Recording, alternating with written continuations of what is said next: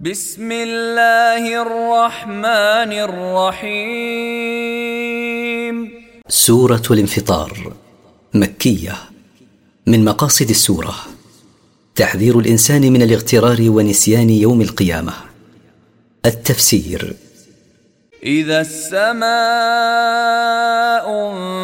انفطرت. إذا السماء تشققت لنزول الملائكة منها وإذا الكواكب انتثرت وإذا الكواكب تساقطت متناثرة. وإذا البحار فجرت وإذا البحار فتح بعضها على بعض فاختلطت.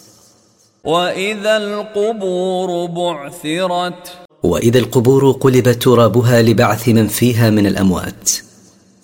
علمت نفس ما قدمت واخرت عند ذلك تعلم كل نفس ما قدمت من عمل وما اخرت منه فلم تعمل.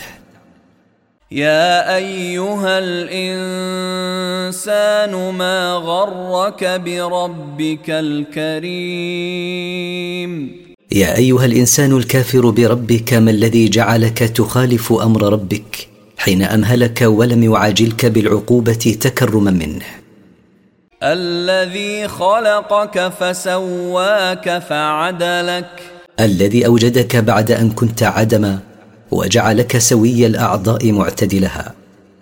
في أي صورة ما شاء ركبك. في أي صورة شاء أن يخلقك خلقك. وقد أنعم عليك إذ لم يخلقك في صورة حمار ولا قرد ولا كلب ولا غيرها. كلا بل تكذبون بالدين. ليس الأمر كما تصورتم أيها المغترون بل أنتم تكذبون بيوم الجزاء فلا تعملون له. وإن عليكم لحافظين. وإن عليكم ملائكة يحفظون أعمالكم.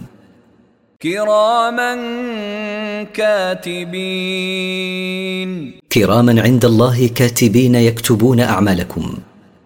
يعلمون ما تفعلون. يعلمون ما تفعلون من فعل فيكتبونه.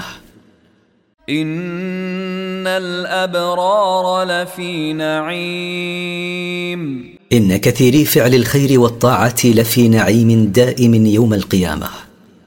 وإن الفجار لفي جحيم. وإن أصحاب الفجور لفي نار تستعر عليهم.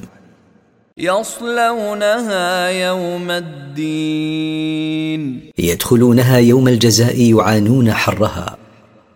وما هم عنها بغائبين